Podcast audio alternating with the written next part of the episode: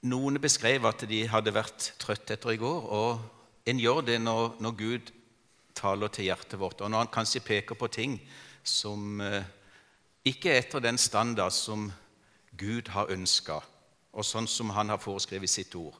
Og Det var jo en sterk eh, stund, og veldig mange gikk fram og kjente på en del sånne ting som de hadde bygd inn i sin personlighet, som, som de hadde lyst til å ta et oppgjør med og gjøre noe med. Og og faktisk feste det opp til korset her.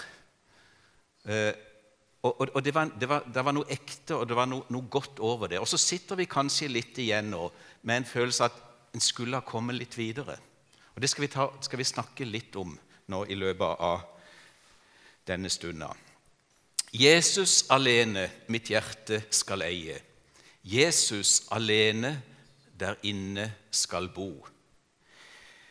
For mange år siden så gikk jeg på gutteforening. Jeg var syv år. Fra syv til tolv år så gikk jeg på gutteforening på Lund bedehus i Kristiansand. Eh, noen fantastiske år. Vi hadde en leder som het Roald. Han var et funn for gutter. Han var fantastisk til å, å snakke til barn, og så hadde, hadde, han så mye gøy han fant på.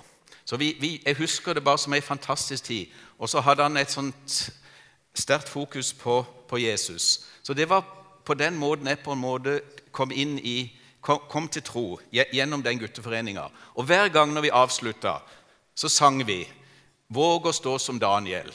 Ikke sant?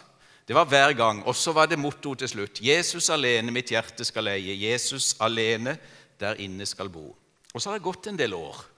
Nå er jeg snart 62 år, og livet går utrolig fort. Eh, men likevel så tenker jeg det mottoet der Jesus alene mitt hjerte skal leie. Jesus alene der inne skal bo. Og så vet vi jo det at det er så mange ting, og det er så mange som, som ønsker på en måte å ha oppmerksomhet i forhold til, til, mitt hjerte. Og mitt hjerte, som vi snakket om i går, det er svikefullt, sier Jeremias. Og Derfor så står hovedverset vårt tilbake også i denne søndags formiddag. Bevar ditt hjerte fremfor alt du bevarer, for livet går ut ifra det. Bevar ditt hjerte fremfor alt du bevarer, for livet går ut ifra det. Og Den personen som har skrevet det i Bibelen, det er jo Salomo. Og Salomo han har jo ikke bare skrevet Salomos ordspråk, han har også skrevet Forkynneren, og han har skrevet Høysangen. Og Det er ingen tilfeldighet at det nettopp er Salomo som har gjort dette. Og Nå tenkte jeg vi skulle starte å se litt på hvem var egentlig Salomo. Han levde på ca. 950 før Kristus. Han var sønn til David, og han var den yngste sønnen som Batseba hadde med David. Og Vi husker jo historien med David og Batseba. ikke sant? Og det var egentlig ikke noen selvfølge at det skulle bli Salomo som skulle overta tronen etter sin far David. Det var mange kandidater. Men så var det Batseba som hadde greid å overbevise David rett før han døde, om at Salomo var den rette personen, rette til å overta. Og Vi vet jo det at det da, David fikk sjøl ikke lov å bygge tempelet, står det i Skriften, fordi at han hadde blod på hendene. Derimot, i Salomos tid så var det fred og, og, og ro i riket. Og han var da den som bygde tempelet i Jerusalem. Og Det kan vi lese om i, i første kongebok, kapittel 6, hvordan Salomo Og Han er jo kjent for sin visdom, og han er også kjent for sin rikdom. Første gang vi leser om sånn Salomo møtte Gud, han møtte Gud da hvis, hvis De av dere som har Bibel, kan jo slå opp i første kongebok, tredje kapittel. Skal vi se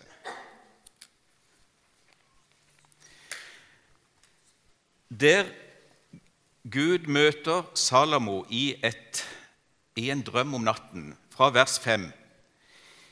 I Gibeon viste Herren seg for Salomo i en drøm om natten. Gud sa, 'Be om hva du vil, jeg skal gi deg det.' Salomo svarte, 'Du har vist stor godhet mot din tjener David, min far, fordi han vandret for ditt ansikt i troskap og rettferd og hadde et hjerte som var oppriktig mot deg. Du har holdt fast ved din store godhet ved å gi ham en sønn som i dag sitter på hans trone. Nå har du, Herre min Gud, gjort din tjener til konge etter min far David, enda jeg bare er en ung og uerfaren mann. Her står din tjener midt blant ditt folk som du har utvalgt, et folk så stort at det ikke kan telles, og så tallrikt at det ikke kan regnes. Gi da din tjener et lydhørt hjerte, så jeg kan styre ditt folk og skille mellom godt og ondt. For hvem kan ellers styre dette folket så stort som det er? At Salomo svarte dette, var godt i Herrens øyne.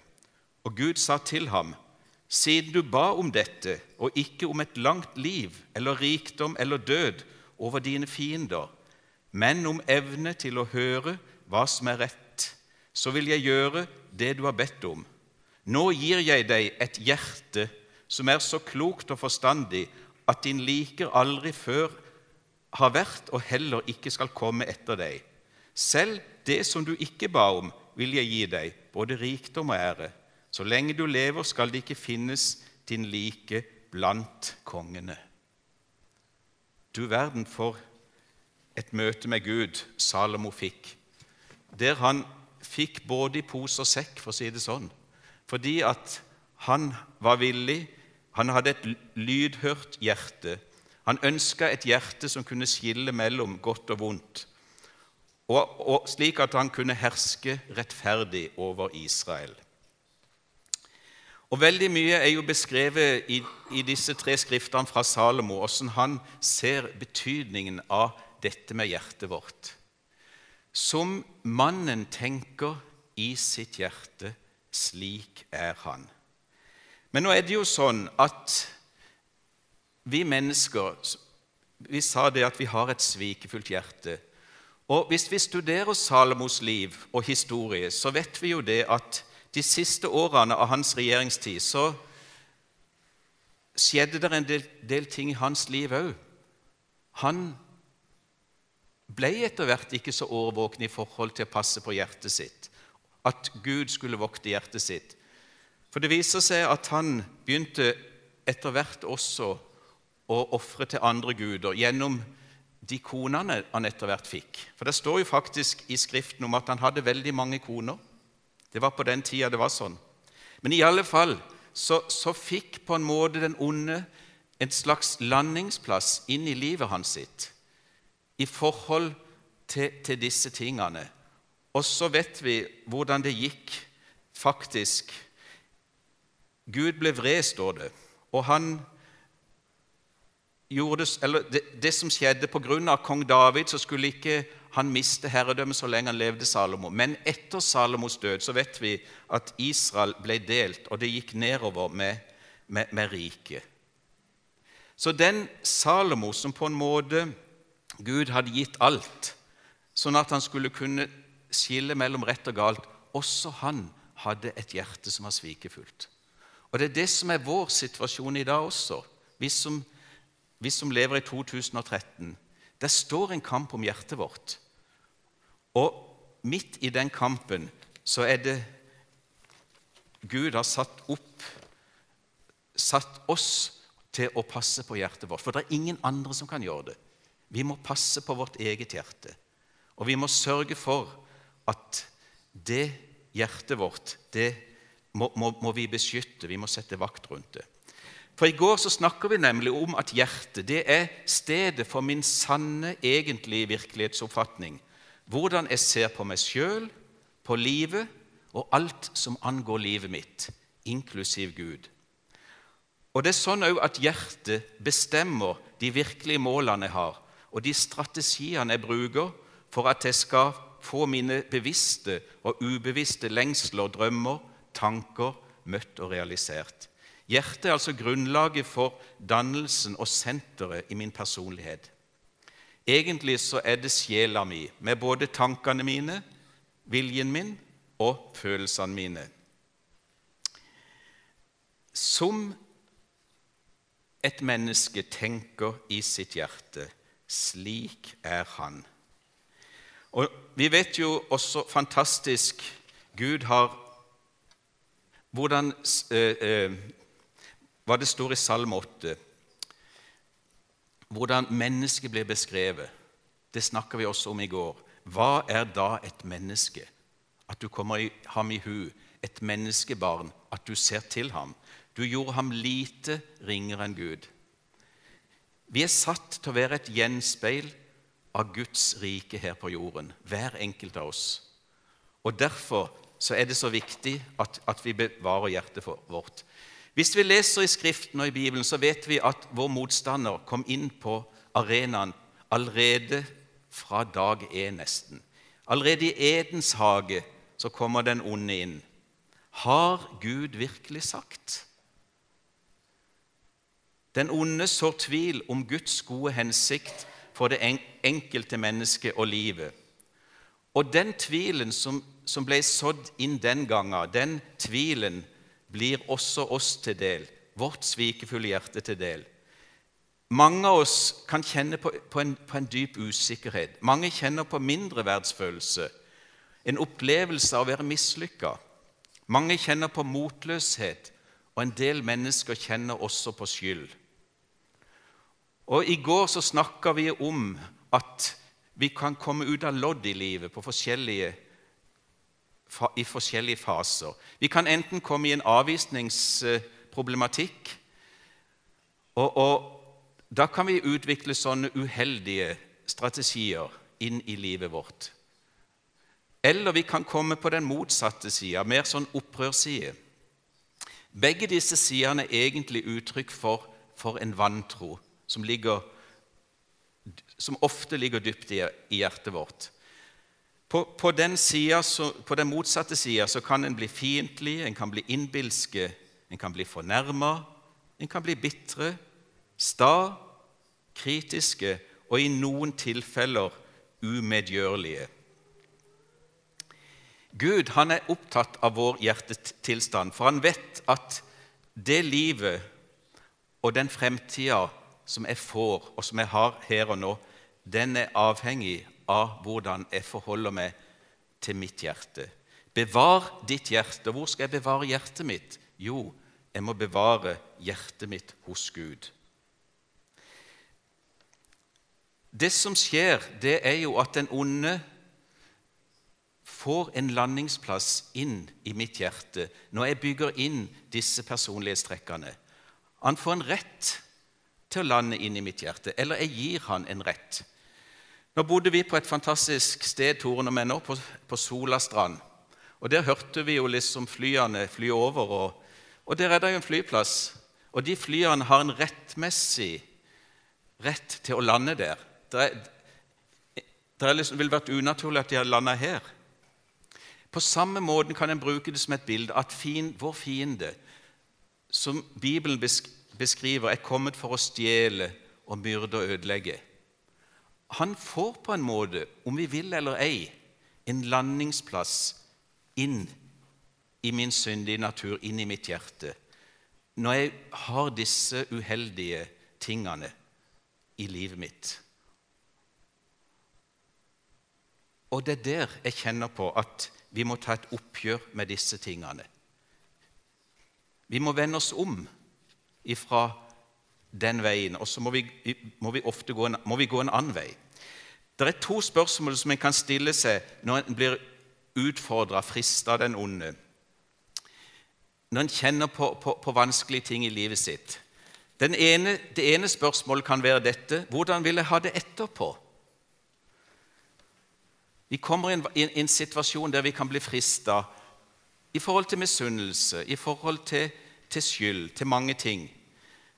Hvordan vil jeg ha det etterpå? Det handler om min selvrespekt i motsetning til skam. Det handler om mitt selvbilde i motsetning til en negativ selvoppfatning. Alle våre historier, alt vi, hva vi har gjort i livet, blir, alle våre handlinger blir historie til slutt. Og de kan ikke reverseres, men de tankene vi har rundt dette, de vil forme ofte fremtida vår. Det ligger der i hjertet vårt som slagg. Og Det andre spørsmålet en kan, stille seg Hva vil de menneskene jeg er glad i, synes om meg etter denne avgjørelsen jeg har tatt? For jeg er nemlig avhengig av andre menneskers tillit og respekt. Ordspråkene 22 sier å få et godt navn er mer verd enn stor rikdom, og for stor nåde er bedre enn sølv og gull. Det å ta dårlige avgjørelser kan koste oss dyrt. De kan gi oss et rykte som kan true våre framtidsutsikter. Tilgivelse kan vi få fra Gud, men tillit fra mennesker det er noe vi gjør oss fortjent til. Heldigvis så er det tilgivelse for alt. Jeg husker første år som jeg jobba som lærer, så hadde vi hatt en kristendomstime. Vi hadde snakka om Johannes 3, 16. Vi hadde lært det utenat, og så skulle elevene få lov til å tegne. Og mange tegnte da Guds kjærlighet i form av et hjerte. Så var det ei jente på hun var ti år, hun het Astrid, husker det utrolig godt. Så skrev hun et fantastisk vakkert dikt. Og, og Hvor hun har henta dette fra, det vet ikke jeg, men hør på det flotte diktet her. Alle har et hjerte med sorg og glede i. Noen har et hjerte hvor Gud bor i.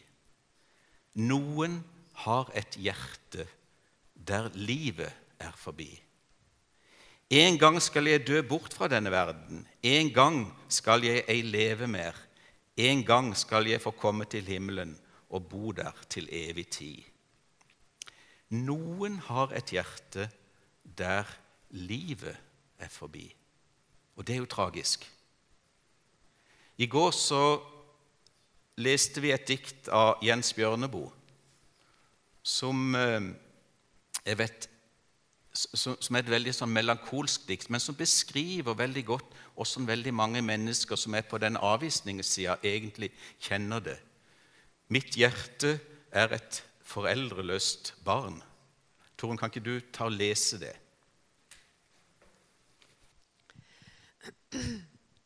Mitt hjerte, det er et foreldreløst barn.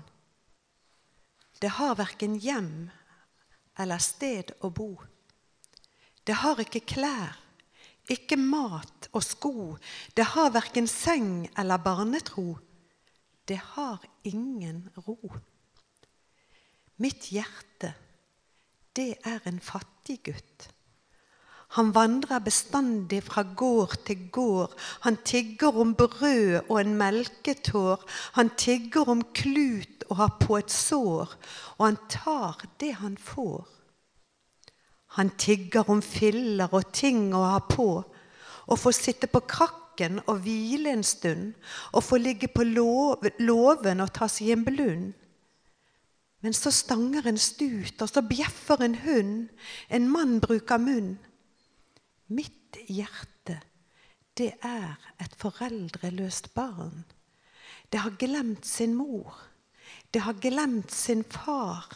Men det spør etter dem overalt hvor det drar, og det spørsmål er alt hva det eier og har. Og det får ikke svar.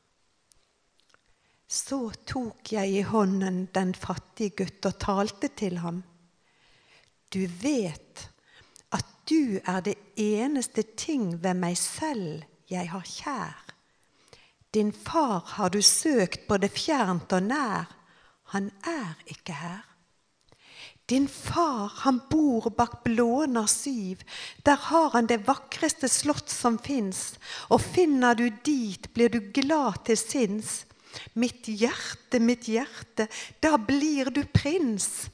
Da blir du prins.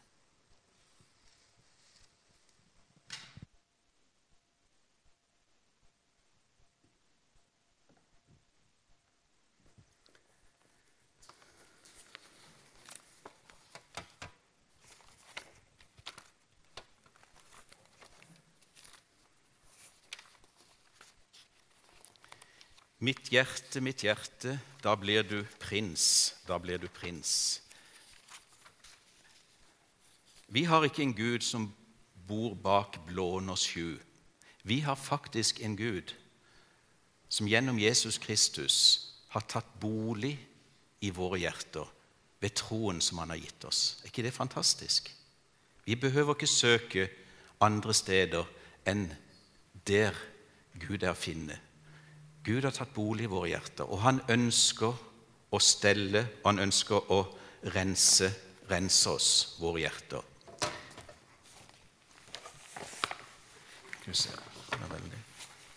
I går så, så leste vi fra siste boka i Bibelen, i Gammeltestamentet. Jeg tror jeg skal ta, ta det opp nå igjen. Ifra Malakia, vers, kapittel 4, og fra vers 5. Se, jeg sender profeten Elia til dere før Herrens dag kommer, den store og skremmende. Han skal vende fedrenes hjerter til barna og barnas hjerter til fedrene, så jeg ikke skal komme og slå landet med bann. Han skal vende fedrenes hjerter til barna og barnas hjerter til fedrene. Vi møter det samme i Det nye testamentet. Når døperen Johannes skulle fødes, så får faren hans Zakaria følgende budskap fra en engel. Han skal gå i forveien for Herren for å vende fedrenes hjerter til barna. Og Nå er det sånn at Gud sjøl er virksom i vår kirke og i vår menighet. Og han er den som, som kan lege de brutte relasjoner og han kan helbrede sinnets mange sår, eller hjertets mange sår. Og noen hjerter trenger å vendes eller omvendes for at helbredelse og forsoning skal kunne skje. Kanskje så er det du som sitter her, som må ta det første skrittet, eller si de første ordene. Og det kan godt hende at ordene må lyde sånn som dette. Tilgi meg, Herre. Tilgi meg for min vantro. Tilgi meg at jeg har bygd inn disse personlighetstrekkene inn i mitt hjerte. Det kan være en ydmykende og en dristig vei å gå, men Gud vil være med, og med sin helbredende kraft så vil Han hjelpe oss. Og det er løftet til oss i dag. Gud ønsker å vende fedrenes hjerter til barna og barnas hjerter til fedrene. Og er det noe sted vi trenger virkelig å, å få oppleve sterke ting, det er at fedrene igjen vender seg mot barna, og barna igjen vender hjertet sitt mot fedrene. Kjære Far i himmelen, vi takker deg, og vi priser deg for det at eh, du ønsker å gjøre et dypt verk i våre hjerter. Du ønsker at, å rense våre hjerter. Du ønsker å fornye oss. Du ønsker at vi skal legge bak oss ting. Og takk for det at eh, om enn vårt hjerte er svikefullt, så er du trofast, og så er du rettferdig, og så forlater du syndene våre, og så renser du oss fra all urett. Jesus, jeg ber for hver enkelt som jeg hører til denne menighet. Og jeg bare ber om at du holder de hånd over hver enkelt, hvert enkelt, hver enkelt person her, over hver familie. Jeg ber deg for alle de barna som var til stede her nå, og som nå er nede på søndagsskolen. Jeg ber om at du lærer dem, og foreldrene lærer dem å bevare sitt hjerte fremfor alt de bevarer. For det livet som de får, det går ut ifra hjertet vårt. Hjelp oss, Jesus. Forbarm deg over oss og se til oss i dag. Amen.